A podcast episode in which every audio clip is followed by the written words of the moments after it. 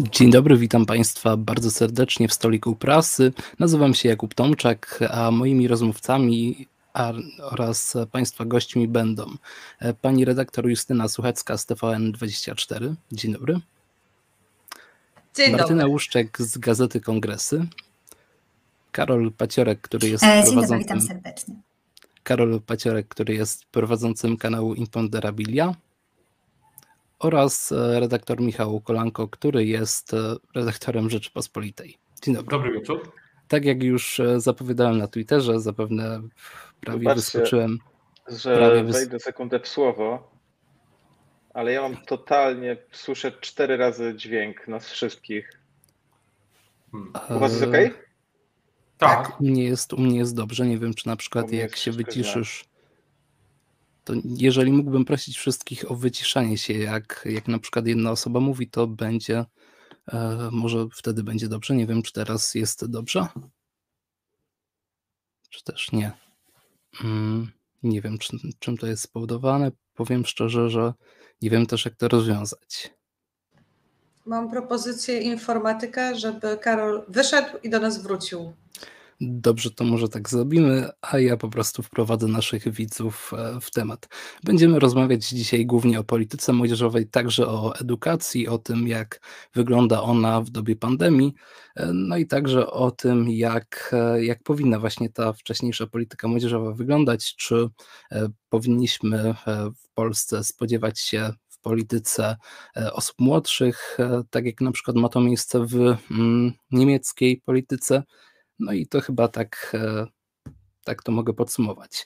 E, Pierwszym moim pytaniem do Was, później Karolowi powtórzę, będzie to, jak powinno wyglądać zwiększanie aktywności młodych. I tutaj proszę, aby zaczął Michał Kolanko z Rzeczypospolitej. E, Proszę włączyć mikrofon, to znaczy włącz mikrofon, bo wcześniej Dzięki, dziękuję za to pytanie i dziękuję w ogóle za zaproszenie oraz to, że, że- tematem tej debaty są właśnie młodzi na wielu, wielu różnych płaszczyznach. Wydaje się, że, mm, że czas młodych e, w polityce, w mediach, w biznesie, e, że czas młodych nad- nadszedł, nadchodzi, że pandemia przyspieszyła też wiele zmian społeczno-politycznych i jedną, jednym z jej efektów długoterminowych jest właśnie to, że młode pokolenie jakby coraz śmielej bierze sprawy w swoje ręce i myślę, że to jest ogólnie bardzo dobry, e, bardzo dobry trend. Jeśli chodzi o to, e, o te zmiany, które, o, których, o które pytałeś, to też ciekawe będzie przede wszystkim obserwowanie zmian, jeśli chodzi o właśnie niemiecką politykę. Po pierwsze, w Bundestagu teraz rzeczywiście jest bardzo wiele młodych, nowych osób jako reprezentantów, a po drugie, z tego co pamiętam, to SPD ma w, swojej, ma w swoim planie wyborczym, czy w programie wyborczym miało i taka próba zostanie podjęta obniżenia, e, dania możliwości głosowania chyba na początek w wyborach do Europarlamentu e, osób, które mają e, 16 e, lub więcej lat, czyli obniżenia tego progu o dwa lata. Wydaje się, że w Polsce chyba ostatnio pani poseł Agnieszka Dziemianowicz-Bąk z Lewicy, z Nowej Lewicy też o coś takiego zaproponowała, też Szymon Hołownia, o ile wiem, ma to w swoim, swoim planie, programie. Więc e, to jest na pewno, warto będzie obserwować rezultat tego, jeśli to wejdzie w życie, warto będzie obserwować, jak to się dzieje e, w Niemczech. E, To jest, myślę, myślę, jeden sposób, żeby upodmiotowić, żeby młodzi ludzie czuli się bardziej podmiotowi. Inna rzecz, którą można, którą można zmienić, to jest wprowadzenie ustawowe na przykład e, jakiegoś kwoty albo e, liczby osób, które poniżej określonego wieku, które musiały być na listach wyborczych w partiach. Można, e, to jest też jedno rozwiązanie, które mogłoby, wiem, Lewica ma, ma taki pomysł, żeby oddać część miejsca na swoich listach młodym, ale to nie jest e, zapisane prawnie, to jest e, z tego co No Właśnie wspomniałeś, wspomniałeś o tym, e, o Bundestagu, o tym, że z list bodajże SPD, o ile dobrze pamiętam, zostały wybrane jedne z młodszych osób, też chyba e, najmłodszy parlamentarzysta w Bundestagu ma 19 lat. E, No u nas zbierne prawo wyborcze mają osoby, uzyskują osoby w wieku 20, e, to znaczy w wieku 21 lat. No i właśnie chciałem się dopytać o to, czy powinniśmy ten wiek obniżyć. Myślę, myślę że tak. Myślę że, myślę, że myślę, że tak. Nie ma tutaj. Nie sądzę, żeby to, zwłaszcza w tym dzisiejszym świecie, gdy tak wiele rzeczy się zmienia e, i tak jak mówiłem, tak bardzo, i to jest bardzo dobry trend, młodzi y, politycy, polityczki, e, aktywiści, aktywistki, w bardzo wielu sprawach, od klimatu po prawa, prawa, człowieka, prawa człowieka, w ten świat wchodzą i biorą sprawy w swoje ręce. Myślę, że ten ten limit jest e, pewnego rodzaju reliktem e, przeszłości. Powinno się go e, znieść. Tak samo jak właśnie można się zastanowić nad obniżeniem tego progu do 16 roku życia. Może na przykład tylko w wyborach, na początek wyborach samorządowych albo w euro, wyborach do Europarlamentu, żeby też zobaczyć, jak w Polsce to by się, do czego by to doprowadziło w, w praktyce. I teraz głos oddam Martynie Łuszczek. E, jak wygląda to właśnie z tak naprawdę e, no, strony osoby młodszej, e, no takiej, o której tutaj też mowa? E, tak, tak więc e, dzień dobry, witam Państwa bardzo serdecznie jeszcze raz i dziękuję za zaproszenie. Cieszę się, że e, ten głos młodych może również tutaj wybrzmieć i bardzo dziękuję gościom, którzy chcą dzisiaj też rozmawiać z młodymi ludźmi i dla młodych ludzi o młodych ludziach. Tak więc ja uważam, że jak najbardziej młodzi ludzie powinni być stopniowo coraz bardziej angażowani w te procesy decyzyjne, decyzyjne, przepraszam, ponieważ to tak naprawdę młodzi będą budowali przyszłość naszego kraju i jeżeli oni w pewnym momencie zostaną wpuszczeni na tą głęboką rzekę, e, rzeczywiście mogą gdzieś mieć e, jakieś problemy, może e, brakować wcześniej tego doświadczenia. A jeżeli widzimy, że już teraz w naszym kraju mamy świetnych aktywistów i świetne aktywistki, które angażują się na skalę globalną wręcz, to uważam, że powinniśmy z tego korzystać. Powinniśmy mm, dać instrumenty tym młodym ludziom, mm. dzięki czemu oni będą mogli, będą mogli siebie rozwijać, a to wszystko będzie też dla dobra naszego kraju. Przepraszam, bo zapomniałem, zapomniałem się odciszyć. No właśnie, a w polityce powinniśmy raczej oczekiwać młodych aktywistów, czy też członków młodzieżówek? Jak to wygląda? Bo młodzieżówki też są zaangażowane bardzo często raczej w stricte walki partyjne, o ile to tak można nazwać. Czego powinniśmy się tutaj spodziewać i oczekiwać w tej polityce młodzieżowej? E, to znaczy, wydaje mi się, że jakieś poglądy bardziej e, również te e, bezpośrednio połączone z poczuciem jakiejś łączności z partią, one były i one będą. I tutaj też nie można ku temu zaprzeczać, ponieważ my różnimy się również młodzi ludzie swoimi wartościami i poglądami.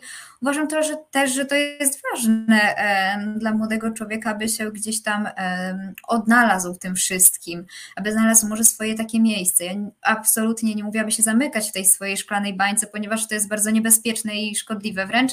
E, no ale jeżeli młody człowiek będzie czuł gdzieś jakieś takie przyłączenie do jakiejś grupy, to będzie też dla niego dobrze i wtedy też, e, jeżeli będzie istniała jakaś tam opozycja, propozycja względem siebie, dzięki temu też będzie to fajniej działało, tak? To jest ważne dla państwa również. No i teraz na pytanie o to, jak powinna wyglądać ta aktywność, to zwiększanie aktywności politycznej u młodych, odpowie Justyna Suchecka. E, kiedy Was słuchałam i, i, też myślałam nad odpowiedzią na to pytanie, to zaczęłam się zastanawiać, czy nie powinniśmy zejść trochę niżej, czyli zejść do szkoły i, i, tego, o czym najczęściej i najwięcej ja na co dzień piszę i rozmawiam. Dlatego, że trudno jest mi sobie wyobrazić aktywną politykę młodzieżową, jeżeli nie zadbamy o to, co już dzisiaj jest e, możliwe, a często niewykorzystane, czyli choćby samorządy szkolne, które funkcjonują w szkołach bardzo różnie. One teoretycznie wszędzie funkcjonują, ale w praktyce jaki wybór pozostawiony jest uczniom? No to jest pytanie od tego, jak uczymy ich tej demokracji, odpowiedzialności za szkołę. Niejednokrotnie dostaję sygnały od młodych ludzi, od nastolatków o tym, że nie mogą pewnych rzeczy w szkole przewalczyć, że nie mają wpływu na statut szkolny, czyli szkolną konstytucję, najważniejszy dokument.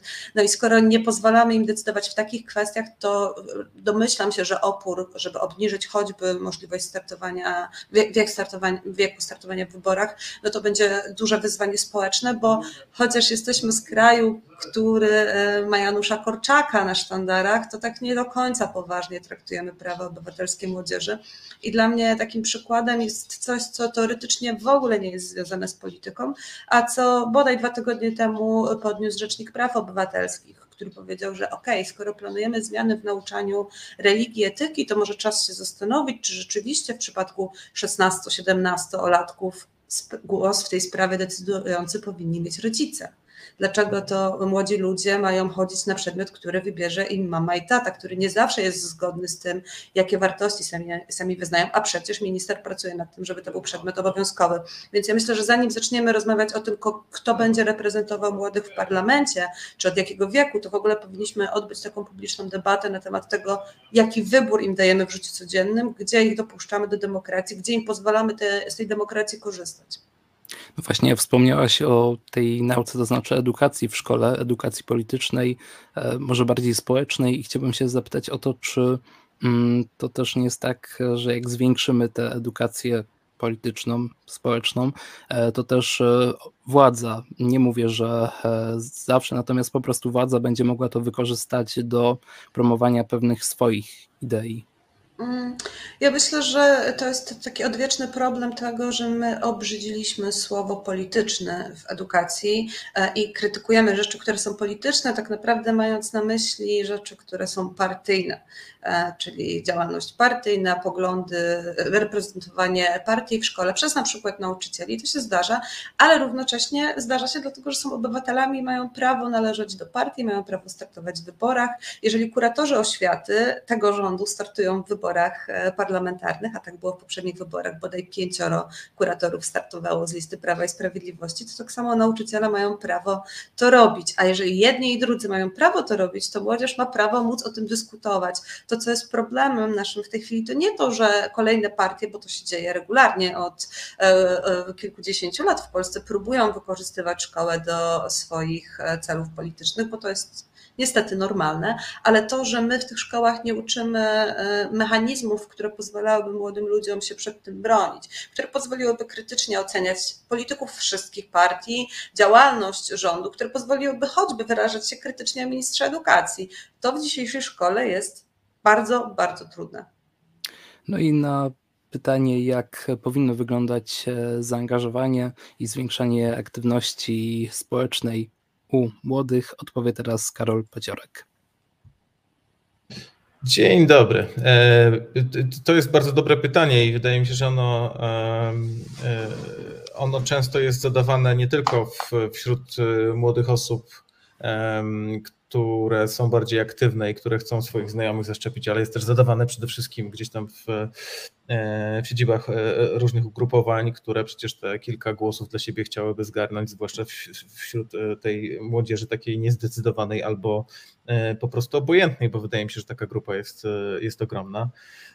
Moim zdaniem trochę sumuje to kilka wątków, które się tutaj pojawiło. Z jednej strony debata na temat obniżenia progów czynnego czy biernego prawa wyborczego e, jest zasadna. Ja zawsze z tym mam taki problem, bo z jednej strony chciałbym, żeby to miało sens, chciałbym, żeby to było takim narzędziem, które będzie poprawnie, dobrze wykorzystane, ale z drugiej strony, z tego co wiem, to jednak trzeba też brać, e, e, trzeba też brać poprawkę na fakt, że e, mózg człowieka rozwija się, w sensie neurologicznym rozwija się do 25 roku życia i też E, prawo wyborcze, a, a, w związku z tym rozwojem mózgu e, inne jest na przykład chęć podejmowania ryzyka u osób poniżej 20 roku życia, inna powyżej 20 i to gdzieś dopiero w okolicy 25 roku życia się e, jakoś tak klejstruje już na resztę, więc to też trzeba uwzględniać, jeżeli chodzi o takie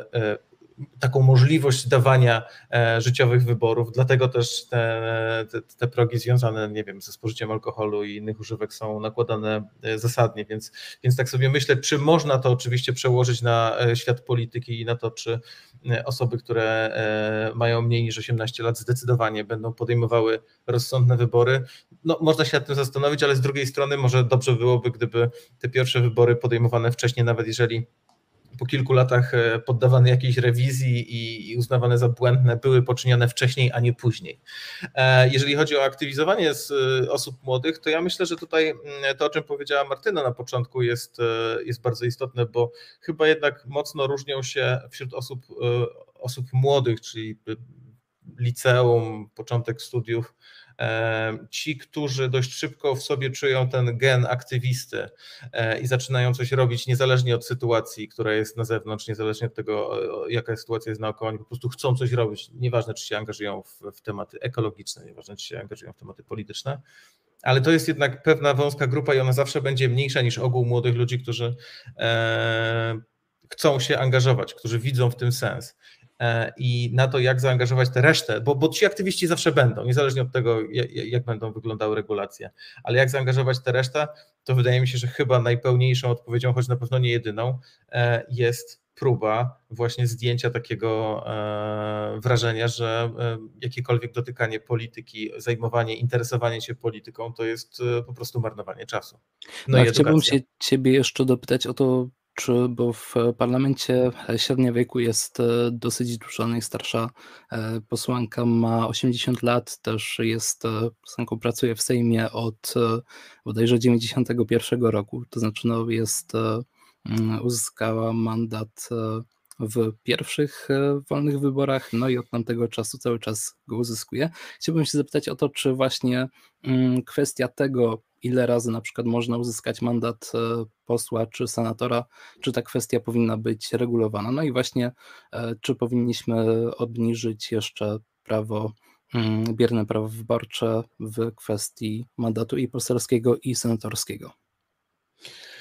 Co do obniżenia progu wyborczego, to nie mam zielonego pojęcia, jaka, w sensie chyba nie mam zdania. E, natomiast jeżeli chodzi o, o ograniczoną liczbę kadencji, e, w których można by, czy wyborów, do których można by podchodzić e, z rzędu, no to myślę, że to jest absolutnie zasadne. Tylko, że problem tutaj, no właśnie, będzie się pojawiał, to w takim razie ile? Ile to jest to dobrze, ile to jest to. Można oczywiście patrzeć na, na, na kraje, które e, coś takiego wprowadziły. Ja tutaj absolutnie nie, nie mam pomysłu, ale, ale prawdopodobnie to się będzie trochę o to rozbijało i prawdopodobnie przeciwnicy będą bardzo mocno e, próbowali pokazywać te przykłady e, polityków, którzy zasadnie byli wybierani i wybierani i czemu mamy sobie e, odcinać możliwość wybierania tak świetnych, światłych polityków, tylko by e, mieć jakiś cień szansy, że zastąpią ich nowi, być może wcale nie lepsi, a jedynie młodsi, ewentualnie nowi. Także to wszystko jest bardzo zagmatwane, natomiast wydaje mi się, szczerze mówiąc, że metoda prób i błędów jest dobrym podejściem. Polityka przecież nie jest stałym ciałem, on cały czas się zmienia i E, podejmowanie różnych decyzji, na przykład po to, by się po nich po kilku latach wycofać, to jest lepsze niż trwanie w błędzie. Tak, tak uważam. No i teraz chciałbym już przejść do kolejnej kwestii, natomiast już, już poruszonej przez Justynę Słuchacką, dlatego ona pierwsza będzie wywołana do tablicy. E, jak powinna wyglądać e, edukacja i społeczna, i polityczna w szkołach? Czy E, WOS, a raczej teraz e, historia i teraźniejszość zapowiedziana przez ministra Czarnka jest wystarczająca, czy e, podstawa programowa może powinna jeszcze przewidywać jakieś dodatkowe nauki polityczne? Mm, ja myślę, powiem coś kontrowersyjnego. Ja myślę, że pomysł z historią i teraźniejszością sam w sobie nie jest zły. E, martwi mnie sposób, w jaki ten przedmiot będzie realizowany i myślę, że, że nie tylko mnie. Choćby fakt, że eksperci, który, którzy piszą podstawę programową, zostali wybrani bez konkursów, w tak zwanym żadnym trybie, bo tak uznał minister, że tak będzie dobrze. E, no i mam bardzo wyrazisty światopogląd, ale myślę, że tu znów e, trzeba by się było trochę cofnąć. Systemowo wprowadziliśmy edukację obywatelską aktualnie po reformie edukacji dopiero od ósmej klasy szkoły podstawowej. Wiedza o społeczeństwie dopiero wtedy pojawia się w programie i to jest strasznie późno. Wydaje mi się, że w szkołach e, dzieje się bardzo dużo rzeczy, które mają budować społeczeństwo obywatelskie. Często dla młodzieży te rzeczy i dzieci, zwłaszcza tych młodszych, są podawane tak trochę podprogowo. Nikt im nie mówi, że oto teraz budujemy społeczeństwo obywatelskie, ale jednak to się dzieje. E, to są różnego rodzaju inicjatywy, nawet tak drobne i wydawałoby się banalne, jak pikniki szkolne, jak jakieś akcje charytatywne, e, jak e, organizowanie koncertów na rzecz szkoły czy lokalnej społeczności. To wszystko jest świetnym punktem wyjścia do tego, żeby zaangażować młodych ludzi też w działanie. Ja parę lat temu e, miałam przyjemność współpracować przy takim młodzieżowym projekcie, który świetnie się sprawdza w innych państwach europejskich. To się nazywa Youth Bank i takim prekursorem, krajem, w którym to wypada naprawdę rewelacyjnie jest Rumunia. Polega to na tym, że młodzi ludzie e, prowadzą akcje crowdfundingowe, zbierają pieniądze przez jakiś czas w zespołach po to, żeby te pieniądze, które zbiorą, podzielić jak bank. Oni stają się bankiem i organizują konkurs dla innych młodych ludzi, po to, żeby można było zorganizować różnego rodzaju inicjatywy w szkole, w lokalnej społeczności, na osiedlu, w zależności oczywiście od tego, jaka to jest wielkość miejscowości. I wydaje mi się, że oczywiście po pewnych modyfikacjach to jest rozwiązanie, które mogłoby się doskonale sprawdzić w Polsce, a jest nam bardzo potrzebne, bo to jest i lekcja podstaw przedsiębiorczości, e, i wiedzy o społeczeństwie, i lokalnej historii bardzo często, i pozwala się nauczyć E, komunikowania z ludźmi, czyli tej takiej umiejętności w XXI wieku podstawowym. I oczywiście to jest bardzo konkretne rozwiązanie, być może wymagające zmian, nie, nie zawsze dopasowane do Polski, ale było w Polsce wprowadzane, między innymi e, w Żurominie, w Białobrzegach, gdzie naprawdę działało rewelacyjnie. I wydaje mi się, że o tym powinniśmy mówić, czyli o powrocie metody projektowej do szkół, bo jak wrócimy do szkoły z projektami, to też łatwiej będzie realizować przedsięwzięcia aktywizujące do, do działań obywatelskich, ale też do działań politycznych w przyszłości. No i na to pytanie, czy powinniśmy przewidywać jeszcze jakieś nauki polityczne, czy jednak e, obecne są wystarczające, odpowie teraz Karol Pociorek. Hmm, to jest, e, to jest pytanie, wydaje mi się, chyba nie o to, czy powinniśmy, ale w jaki sposób to będzie wyegzekwowane, jak z, jak z wszystkim tak naprawdę, bo, bo tak na dobrą sprawę żaden przedmiot i żaden kurs, który mógłby się pojawić na jakimś etapie, e, nie jest złym pomysłem.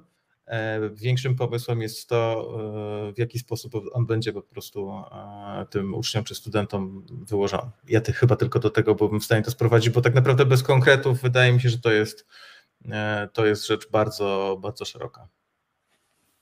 Mhm.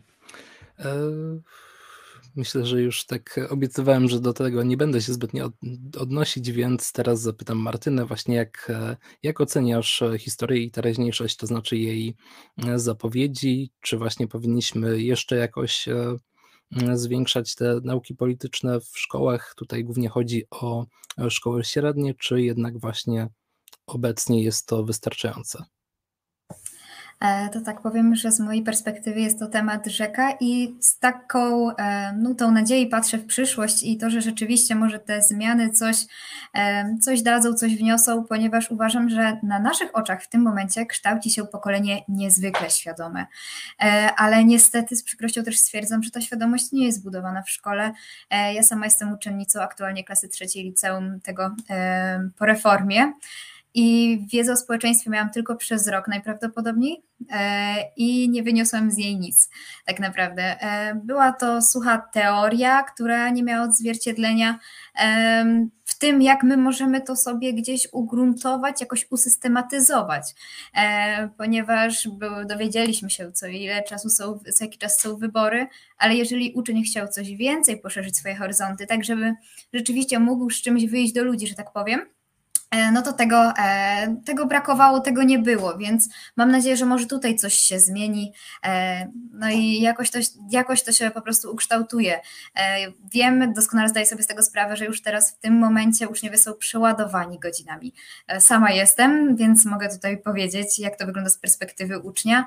E, mimo wszystko uważam, że tutaj jest konieczna zmiana, jeżeli chcemy, aby młodzi ludzie rzeczywiście mogli e, pełnić te funkcje decyzyjne w przyszłości, będąc właśnie ludźmi takimi w pełni świadomymi i kompetentnymi do tego. I ostatni na pytanie, jak powinna wyglądać podstawa programowa w kwestii nauk politycznych, odpowie Michał Kolanko.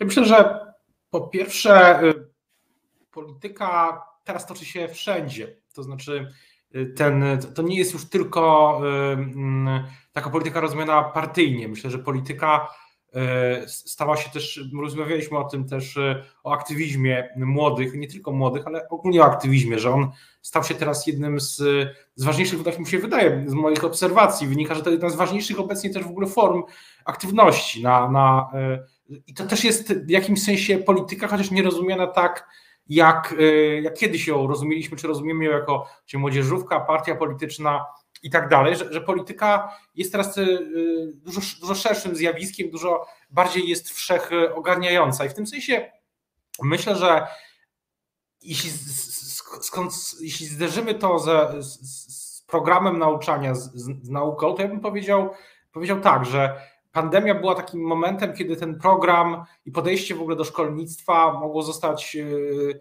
mogło się zmienić, mogła być podjęta świadoma decyzja, że też to przejście na nauczanie zdalne, o którym jak rozumiem mamy za chwilę też yy, rozmawiać, też yy, jest osobnym w ogóle tematem, że, że to mogła być chwila na pewną rewolucję, która byłaby dostosowana do współczesnego współczesnego świata. I niestety tak się, tak się nie stało, ale ja myślę, że, że ten rząd, nie, nie jestem pewny, czy ten rząd jest w stanie e, taką rewolucję dokonać, ale to już raczej jest wyzwanie chyba dla partii czy dla sił e, obecnie opozycyjnych, jakkolwiek byśmy je nie definiowali, dla przyszłości, bo to jest jasne, że, że w świecie, w którym tak wiele opiera się na, e, na internecie, na świecie cyfrowym, ta, ten obecny obecne podejście jest po prostu nie, nieaktualne. Że ja, y, wydaje mi się, że na przykład jedną z podstaw w ogóle dzisiaj y, tego, co się uczy w szkole, to nie jest tylko polityka, ale na przykład to, jak radzić sobie z dezinformacją, z hejtem, z, jak poruszać się w tym świecie cyfrowym, a to moim zdaniem nie jest priorytet obecnie rządzących, więc to jest wyzwanie dla też dla przyszłości, dla przyszłych polityków i polityczek, którzy jeszcze mm, są teraz aktywistami albo myślą o tym, żeby, e, żeby, żeby zostać. Więc ja, ja bym próbował spojrzeć na to, na, to, na Twoje pytanie właśnie z tego, z tego kierunku i e, dać, myślę, że ważne jest to, żeby dać uczniom narzędzia, żeby radzili sobie w tym, żeby lepiej radzili sobie w tym świecie, który jest głównie światem cyfrowym, a niekoniecznie, żeby skupiać się na kolejnych doktrynach politycznych czy, czy, czy tematach takich jak e, ważnych oczywiście, ale e, czy, czy właśnie takich tematach stricte teoretycznych. E, no i wywołałeś ten temat zajęć zdalnych, więc myślę, że możemy go poruszyć. Zacznę od Martyny, ponieważ jak mi się wydaje, miałaś okazję na początku roku uczestniczyć w zajęciach zdalnych. E, no i chciałbym zapytać o to, czy polskie szkolnictwo jest przygotowane na zajęcia zdalne i właśnie czy, mm, czy, to, czy te zajęcia zdalne są w miarę skuteczne, czy też powinniśmy e, na przykład robić wszystko, żeby jednak e, nie korzystać z tej opcji nauki. E, tak więc e, dziękuję bardzo za to pytanie. Co chodzi o to, czy polskie szkolnictwo jest przygotowane do tego, nie sądzę. E, z moich obserwacji wynika to, że rzeczywiście może mm, z fali na falę, że tak powiem, gdy zostaliśmy przerzucani na to zdalne nauczanie, sytuacja się nieco polepszała. Również nauczyciele byli nieco bardziej przygotowani do tego, zdobywali wcześniej już kolejne kompetencje. Jednak w dalszym ciągu uważam, że to nie jest to tak, jak powinno wyglądać, e, ale przechodząc dalej, co chodzi o skuteczność tej edukacji, wydaje mi się, że to jest sprawa zupełności indywidualna, tak, jak, tak samo jak powinno być indywidualne podejście do każdego ucznia z osobna. Tak tutaj z mojej własnej perspektywy, bo myślę, że o sobie tutaj mogę e, powiedzieć, no to rzeczywiście ta edukacja była na tyle skuteczna, gdy ja byłam w stanie u siebie wykształcić tą samodyscyplinę. Nie byłam zmuszona do tego, aby siedzieć 9 godzin w szkole, e, na lekcjach podparta i patrzeć tylko się nauczyciela. Mogłam się nauczyć, mogłam sobie tą wiedzę, że tak powiem, przesortować e, i rzeczywiście wynieść z tego więcej. Byłam w stanie poświęcić więcej czasu na swoje pasje, zainteresowania E, które rzeczywiście gdzieś przyniosły dosyć spore efekty, więc ja jestem zadowolona z tego czasu i e, uznaję go za bardzo pozytywny, a ta edukacja też e, nie była gdzieś odłożona na drugi plan, więc z tej strony to było skuteczne. Z rozmów, jakie prowadzę gdzieś ze swoimi rówieśnikami, z innymi młodymi ludźmi, często też aktywistami i aktywistkami, wynika to, że rzeczywiście jedni sobie poradzili lepiej, drudzy gorzej, ale wydaje mi się, że właśnie ten czas, taka edukacja zdalna i to, gdy uczniowie zostali zostali poniekąd też z tym sami, chociaż nie chciałabym tak mówić. To też właśnie wykształciło nas taką samodyscyplinę w dążeniu do celu, ponieważ musimy być też na to przygotowani, że w przyszłości będziemy musieli sami się wydyscyplinować. A po pandemii, jak już ta pandemia przejdzie, tak naprawdę to znaczy no po prostu e, nie będzie epidemii, to powinniśmy jakoś e, pomyśleć o tym, żeby mimo wszystko w razie kolejnego takiego zagrożenia móc swobodnie przejść na zajęcia, na nauczanie zdalne, to powinniśmy pomyśleć o jakichś krokach w tym kierunku? Jak e, tak, jak najbardziej. E, cyfryzacja, nowe technologie to jest nasza przyszłość i e, my musimy sobie zdawać z tego sprawę i nie bać się tych instrumentów, tylko musimy już teraz zacząć myśleć, e, zacząć po prostu doszukiwać się takich rozwiązań, które by dawały nam jak najlepsze efekty. I teraz e, głos należy do Karola, który na tak samo zadane pytanie, e, no, czy, e, czy właśnie polskie szkolnictwo jest przygotowane na, mm, na nauczanie zdalne, teraz będzie mógł odpowiedzieć. Jeszcze chciałbym od razu zapytać właśnie o to, czy w, powinniśmy korzystać, to znaczy powinniśmy zainwestować w jeszcze jakieś technologie, które pomogą w tej nauce zdalnej. To dodatkowe pytanie. No, tu jest y, kilka bardzo ważnych wątków. Y, nie mam pojęcia, czy ogólnie rzecz biorąc szkolnictwo jest przygotowane, bo to trzeba by zrobić pewnie badania e, ilościowe. No z tego, co słyszę, e, to podobnie jak Martyna, no raczej, y, raczej bym powiedział, że prawdopodobnie nie. Mnie oczywiście jeszcze trapi sytuacja na różnych szczeblach tych uczniów, którzy w ogóle mają problem z dostępem do E, narzędzi cyfrowych, tak, mają problem z, z jakimkolwiek sprzętem albo muszą dzielić e, nie wiem, jeden komputer, który mają w domu między sobą, żeby jakoś tam uczestniczyć w tych zajęciach, czyli ci po prostu naj, najubożsi. Zresztą pewnie pamiętacie, że na początku e, pandemii, gdzieś tam kwiecień, maj, do końca roku było prowadzonych kilka zbiórek starszego sprzętu, jeżeli ktoś miał w domach, żeby to po prostu przekazywać tym, którzy E, tym, którzy nie mogą, więc wydaje mi się, że tutaj jest mnóstwo problemów na różnych poziomach, no bo jeżeli y, y, taki kształt nauczania zdalnego trwałby dłużej, to wyobraźcie sobie, jak duże rozwarstwienie mogłoby się z tego powodu wydarzyć, nie? Jeżeli, jeżeli teraz dzieciaki, e, dzieci, młodzi ludzie chodzą do szkół i nawet jeżeli są różne e, progi finansowania, w sensie ich rodzice są mniej lub bardziej zamożni, to mimo wszystko oni siedzą przynajmniej w tej samej klasie, w tej samej odległości od nauczyciela, jeżeli już są w tej samej klasie i dostają taką samą porcję wiedzy. A tutaj nagle może się okazać, że jedno będzie widziało obraz tragiczny, inne nie będzie widziało prawie w ogóle i, i tak dalej, i tak dalej. Drugi wątek, który y, y, związany z tym zdalnym nauczaniem y, mi się pojawia i trochę go odnoszę do tego, jak ja sam musiałem przekształcić swoją działalność na, na, na zdalną w czasie pandemii, przynajmniej przez jakiś czas, to to, że oczywiście są, rodzi to problemy, ale paradoksalnie zdalne nauczanie może dawać niesamowite e, możliwości. I e, zaznaczę tutaj, jeżeli to się gdzieś dzieje, to ja w ogóle bardzo szanuję te szkoły, czy te, te placówki, czy tych może pojedynczych nauczycieli, jeżeli to wykorzystują jako szansę. Mianowicie mam na myśli to, że E, tak jak my teraz sobie tutaj siedzimy, każdy z nas e, w swoim domu i możemy rozmawiać, e, to tak samo można by wykorzystywać to w ramach zajęć, czyli na przykład prowadzić lekcje w sposób ciekawszy, zdalnie zapraszając osoby znane, znanych specjalistów, znanych naukowców, po to, żeby oni ten program nauczania w sposób ciekawszy po prostu przekazywali uczniom w ramach ich lekcji. Ja oczywiście nie mówię, że na każdej fizyce, biologii czy chemii miałoby to tak wyglądać, ale wyobraźcie sobie, jak trudno pewnie byłoby e, ściągnąć jakiegoś ciekawego naukowca, no nie wiem, niech będzie to znany na YouTubie Tomasz Rożek, na lekcję, żeby on przyjechał do Łomży, do czwartego liceum i żeby opowiedział trochę o, o, o, ciekawostkach związanych prawda, ze światem nauki.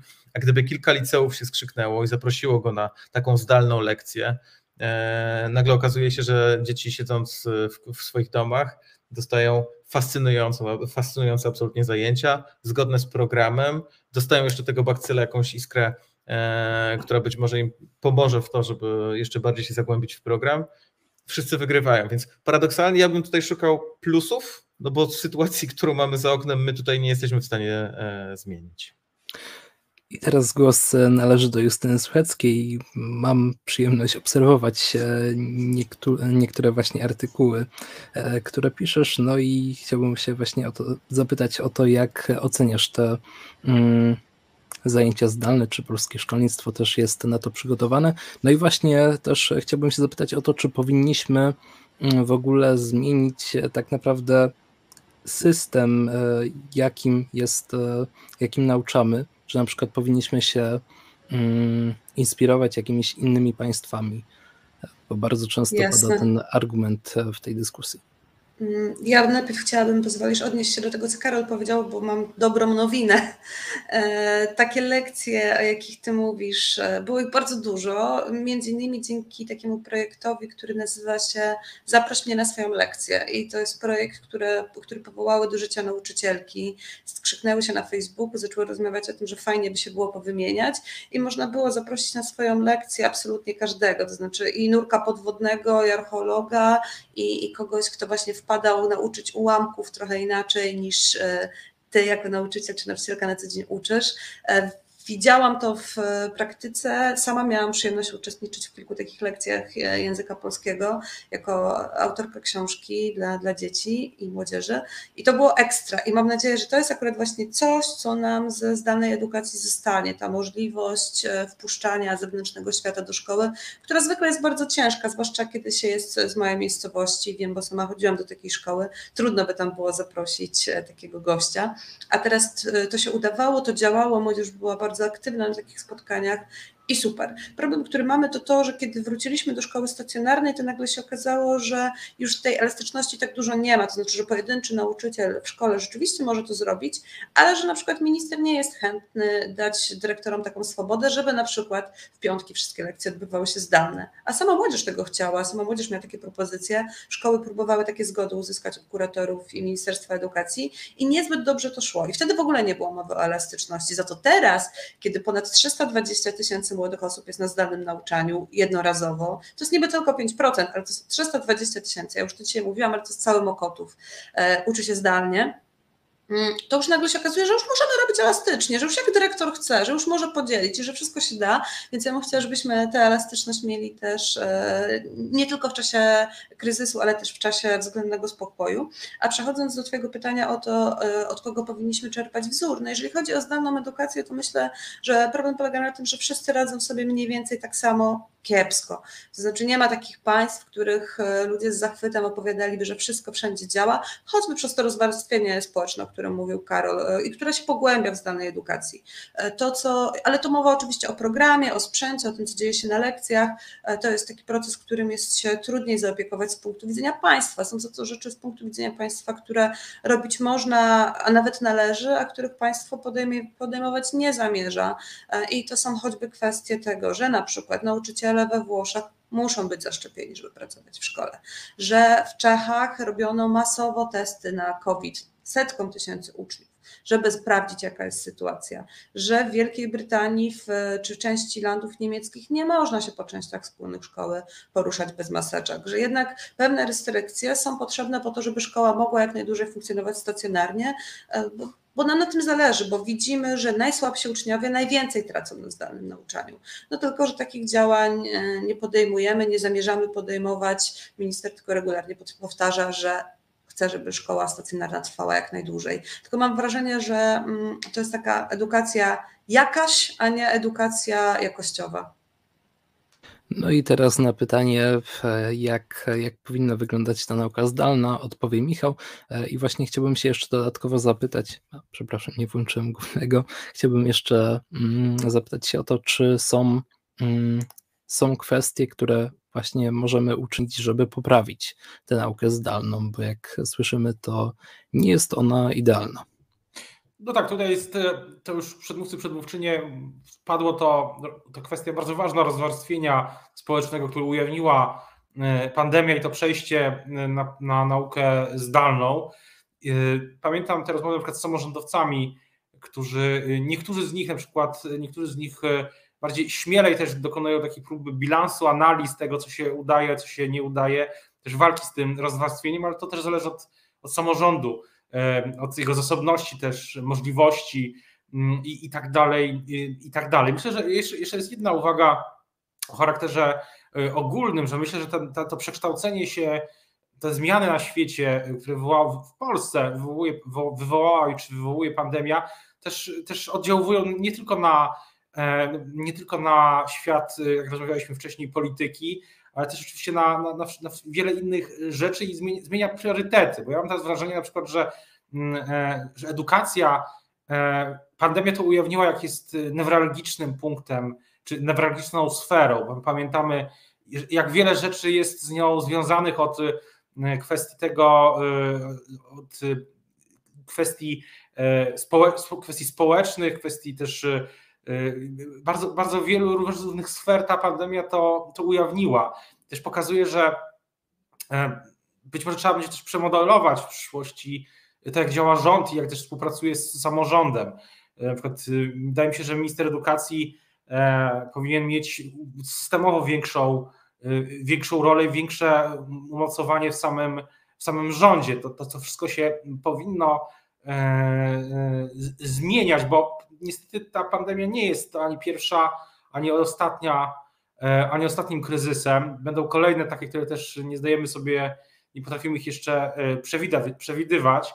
I przystosowanie, odporność systemu edukacji współpraca z samorządami, z NGO-sami, z organizacjami społeczne, społecznymi, pewna decentralizacja, o której e, e, niektórzy politycy też mówią. Pamiętam w programie Szymona Hołowni jest taki pomysł dotyczący decentralizacji, że to, to wszystko staje się, staje się kluczowe, tak samo jak rola, e, rola mediów w opisywaniu tego, co, co dzieje się w edukacji. To też wychodzi na myślę, że ta edukacja poza kwestiami klimatycznymi i kwestiami bezpieczeństwa to teraz są trzy najważniejsze takie sfery, które też się ze sobą zazębiają, więc e, na pewno kwestia też tej dobrej woli między rządem a samorządem, to co ja e, obserwuję też jako dziennikarz, relacjonując tematy bardziej polityczne, ale kiedy właśnie wchodzi, kiedy rozmawia się z samorządowcami, no to tutaj jest bardzo wiele różnych e, uwag i, i pomysłów, a nie mam wrażenia czasami, żeby akurat ten rząd miał dobrą wolę, żeby z nimi współpracować, e, zwłaszcza e, i no to widać na wielu, wielu poziomach.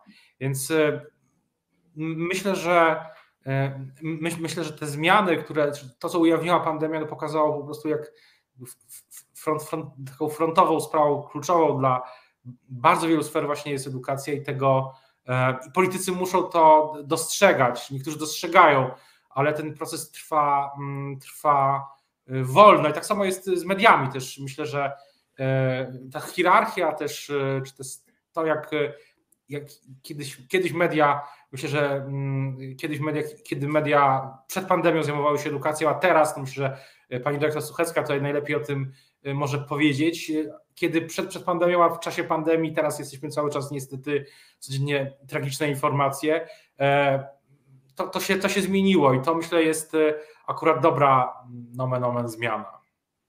E, ja miałem bacznie się przyglądać e, temu prywatnemu czatowi, tym prywatnym wiadomościom, natomiast e, zupełnie mi to wpadło z głowy, więc przepraszam Ciebie Justyna.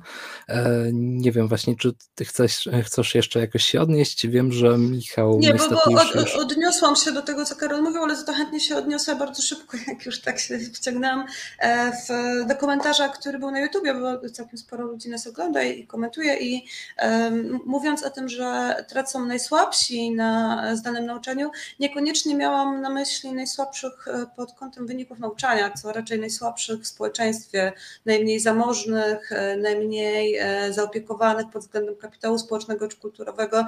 No tutaj działa e, jednak zasada świętego Mateusza. No, najlepsi mają najlepiej, bo mają najlepsze zasoby, najlepsze otoczenie, a najsłabsi na to wsparcie nie mogą liczyć. Za to zgadzam się z panem, który napisał, że najsłabsi uczniowie właśnie pod kątem wyników, ale na przykład też fobii społecznych czy różnych trudności związanych ze zdrowiem psychicznym też też e, częściowo się mogli w pandemii odbudować, zyskać, tak na pewno, na pewno też było. E, myślałem, że trochę więcej będzie polemiki, to znaczy akurat, akurat tutaj nie ma czego żałować, bo dyskusja była naprawdę merytoryczna, e, natomiast też, e, też myślałem, że po prostu będą większe zbieżności w poglądach pewnych, e, ale dziękuję za tę dyskusję, bo to już jest koniec. Wiem, że Michał musi niestety zmierzać nas opuszczać, więc w tym momencie zakończymy, chyba, że macie jeszcze coś do dodania. To, że ja muszę, ja muszę gdzieś zmierzać do, do innego programu, tym razem w radiu, to nie znaczy, że że, że musi, musi, musi, musicie kończyć, także nie chcę tu być winny.